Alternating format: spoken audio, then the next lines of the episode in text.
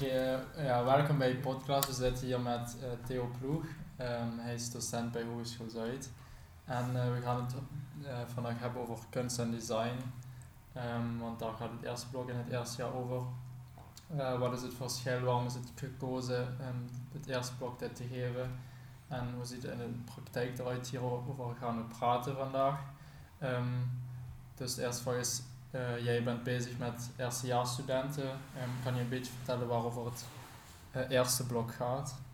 Ja, moet ik er wel bij zeggen dat ik dit jaar eh, vrijwel niet in het blok betrokken ben. Dus ik heb alleen maar twee, twee hoorcolleges gegeven, maar ik heb wel het idee bedacht. en dat wordt nog steeds uitgevoerd, tot nu toe.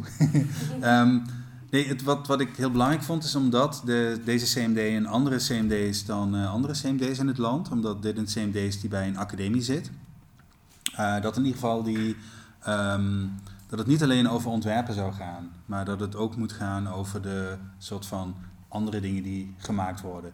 En wat dat betreft heeft eh, kunst denk ik een iets andere insteek dan ontwerpen. Omdat eh, wanneer je kunstenaar bent, dan denk je niet zozeer na over dat wat je wilt bereiken met dat wat je maakt. Het is meer een soort van intuïtief idee van ik ga dit doen omdat het goed voelt, zeg maar. Eh, en dat heeft de ontwerper normaal gesproken niet. Ontwerpers zijn eh, meestal gericht op het oplossen van een probleem. Ehm, maar ik denk dat de ontwerpwereld heel veel kan leren van die eh, artistieke houding. Dus dat je juist een keer even niet denkt aan het oplossen van een probleem, maar gewoon denkt van oké, wat vind ik eigenlijk zelf belangrijk?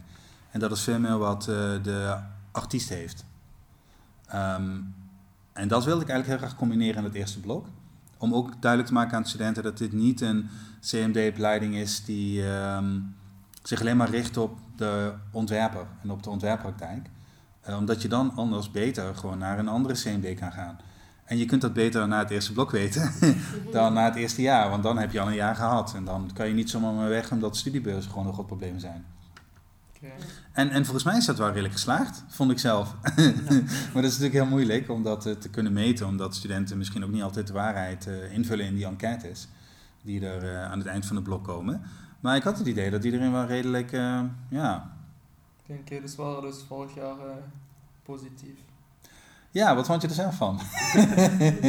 Ja, ik, ik, ik had al eh, bij mijn vorige, bij, mijn, bij VWO had ik ook tekenen en Ah, had ik ook heel ja. veel met kunst. Dus Mhm. ja, ik, ik was, had er al best veel mee gedaan, dus Mhm. ik vond het niet zo heel gek.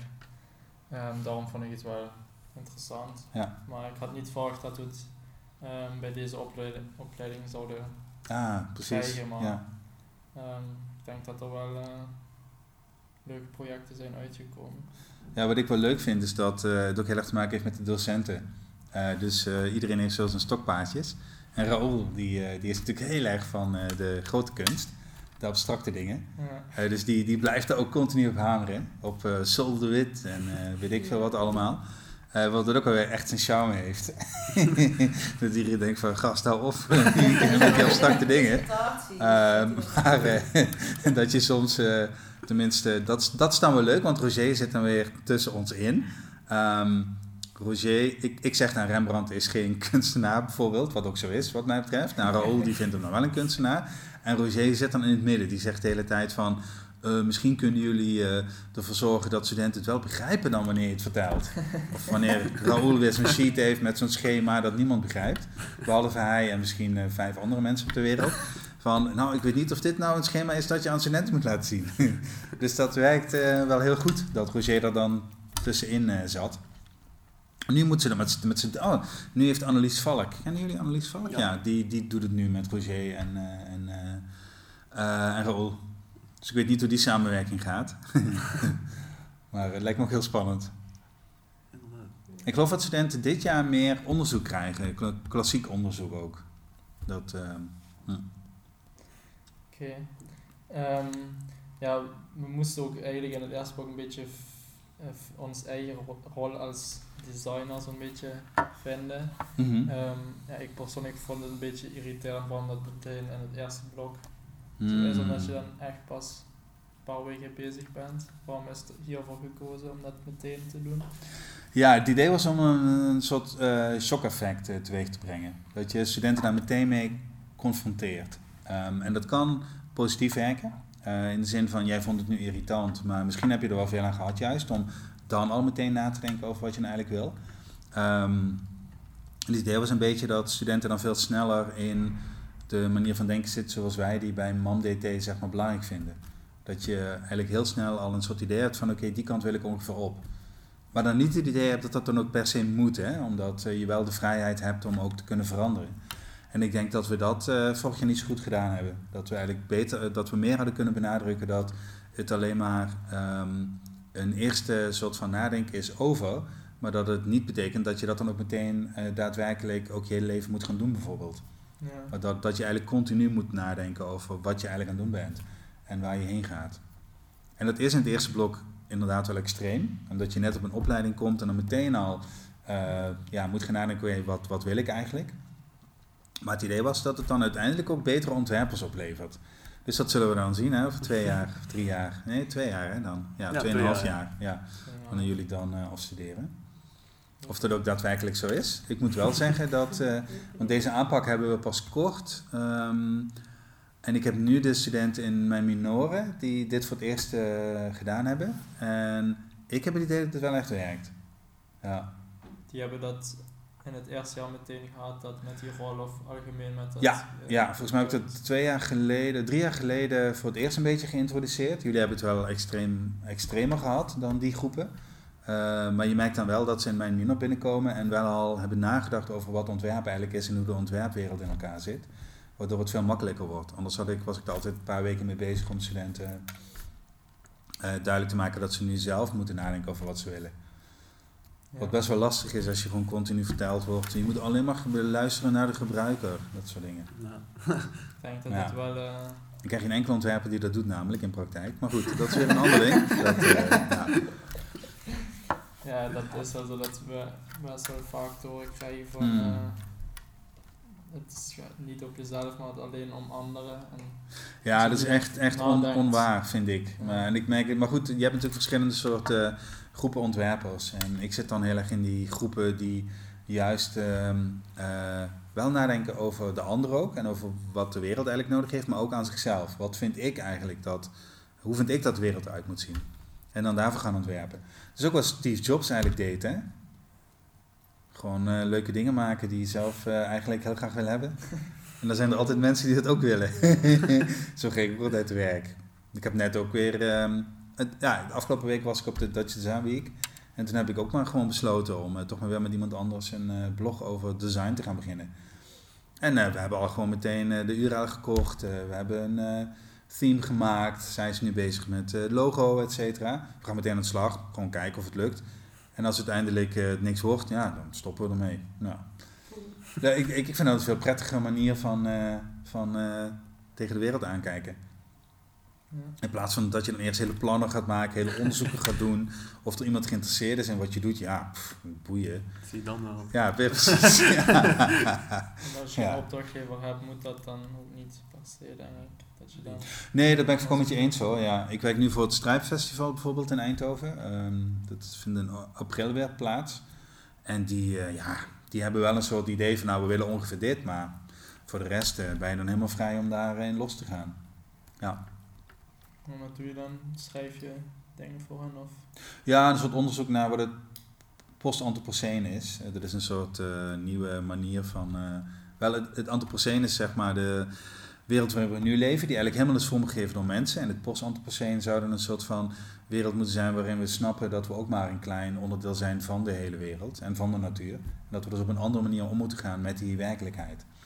Dus ik zoek allemaal bronnen bij elkaar en ik uh, ga kijken hoe dat dan het beste kan worden verwerkt. Ja. Maar die vrijheid die heb je dan helemaal. Op de Hogeschool van Journalistiek doe ik nu ook een project in Tilburg om juist innovatie in de journalistiek te brengen. En ook daar heb ik echt uh, complete vrijheid. Ja, en heel veel docenten zijn dan echt uh, heel erg bang voor mij. Omdat, omdat ik uh, zeg maar het verhaal kon vertellen van hoe de toekomst in elkaar zit. En zij hebben dat, zijn niet in staat geweest om dat, dat, dat, dat te snappen, om mee te veranderen. Maar uh, vanuit het MT die mij dan hebben aangenomen, of het management, heb ik echt totale vrijheid om daar iets van te maken dat, ehm, dat, dat voor hun in ieder geval super extreem is, maar wat wel gewoon al de werkelijkheid is.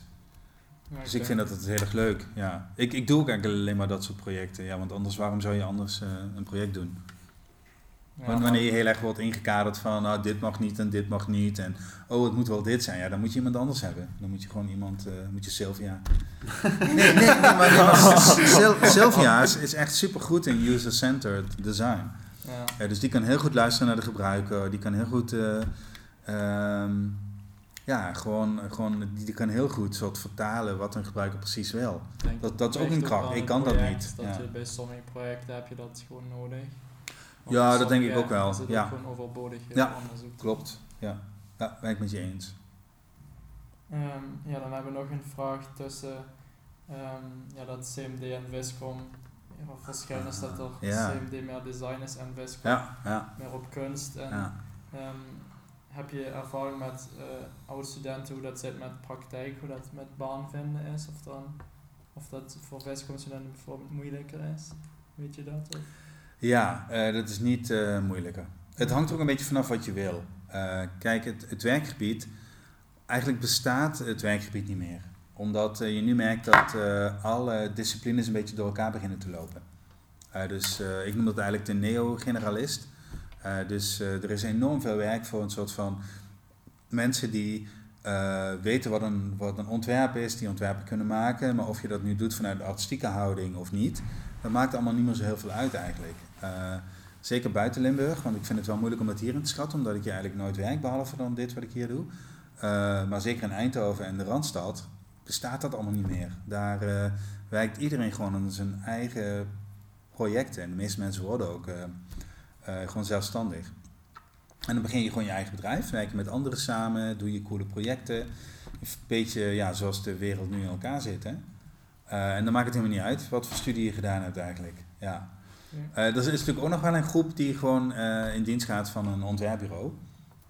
En zeker in de Randstad heb je een paar grote, hè, dus Media Monks, weet ik veel, wat allemaal, Fabriek met een Q, met zo'n Q, hè, Fabriek. Dus, ja, en, en, en daar heb je nog wel echte rollen van bijvoorbeeld interaction ontwerpen of hoe heet dat ding, front-end ontwerpen, dat soort dingen.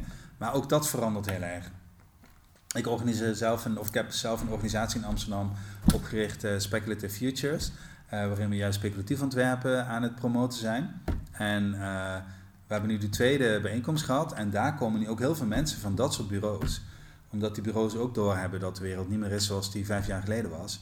En dat al die disciplines ook allemaal door, elkaar beginnen te lopen. En dat zij zelf ook moeten veranderen. dus wat dat betreft merk je dat ja, het eigenlijk niet meer zo heel veel uitmaakt wat je gestudeerd hebt. Je kunt zelfs met, uh, weet ik veel, studie antropologie of zo, of misschien helemaal niks, kun je gewoon, als je het goed doet, kan je gewoon in dat netwerk heel goed opklimmen. Ja. Waarschijnlijk wordt er van tegenwoordig minder gelet op, of denk je dat er minder gelet wordt op diploma's en meer op ja. hoe je eigenlijk... Ik, ik heb nog nooit iemand aangenomen op basis van diploma's. Dus ik heb zo'n onzin. Ja. Dus ik, ik lees wel altijd uh, de, ja, nou, de, de, de, de mensen die ik heb aangenomen, er was dan wel al, altijd zo'n procedure waarbij een sollicitatiebrief dan was.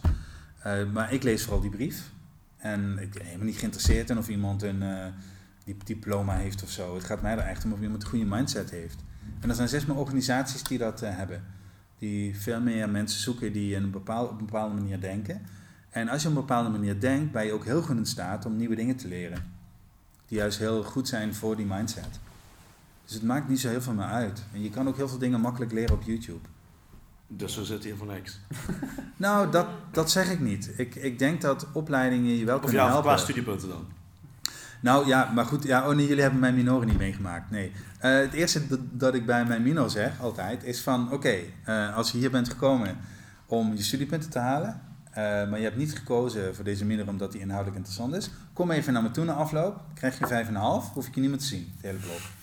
Het interesseert me namelijk helemaal niet om mensen te helpen aan studiepunten. Kijk, het gaat er gewoon om dat je gewoon leert om coole dingen te doen. Of dingen te doen waarvan, waar je zelf trots op bent. En dat je dan eindproducten maakt waar je zelf van zegt van wauw, echt heel cool dat ik dit gedaan heb. En dit wil ik misschien gebruiken om misschien later ook te laten zien aan opdrachtgevers of weet ik veel van hey, dit heb ik gemaakt en ik wil die kant op en ik vind dit belangrijk. En daar gaat het volgens mij om. en dat zou een opleiding ook moeten doen, denk ik. Dan heb je ook helemaal niks aan studiepunten als je dan een diploma hebt en dan um, komen ze zelfs als je aangenomen wordt, komen ze dan achter dat je gewoon niet echt bijzonder bent of helemaal niks. Ja, maar weet je, iedereen is bijzonder, hè? En, en, en, en, en ik denk dat je als aangenomen wordt. Nee, kijk, als je als bedrijf, kijk als bedrijf, maar dat hangt een beetje vanaf wat voor bedrijf je bent. Maar je bent op zoek naar mensen die iets toe kunnen voegen aan eh, jou als, als bedrijf, zeg maar.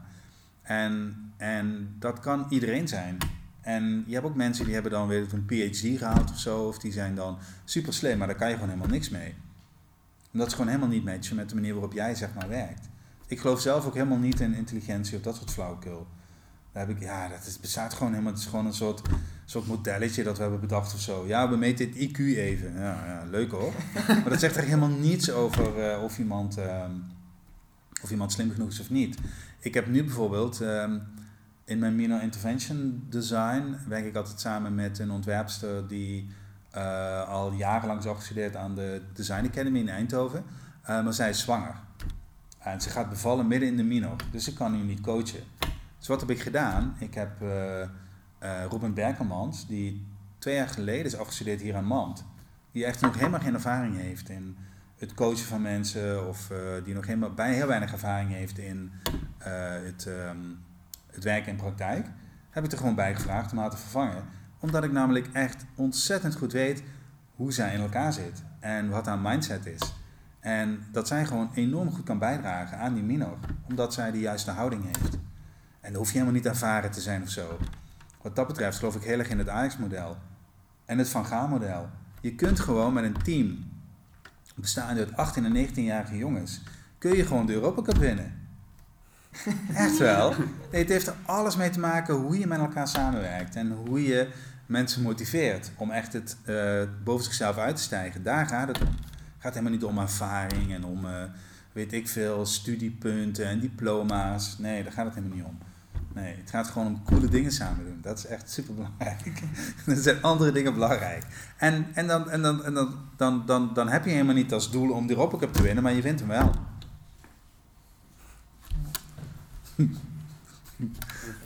Verhaal kan ik me inderdaad nog herinneren. Dat je ook op voetbalmanager dat had gedaan, toch? Ja. Met Fortuna had Met Fortuna, ja, ja, ja, ja, ja. Oh ja, precies. Ja, ja, ja, ja. ja. Daar heb ik nog over geschreven, ja. Dat uh, blad van, uh, van Fortuna, ja. Maar dat was een beetje, nou, ik tweakte wel een klein beetje dan, hè. Dat ik ja, dan, klopt. Uh, ja. Moet ik dan toch, ja, en dat ik Schuurs terugkocht van Ajax, ja, voor bijna niks.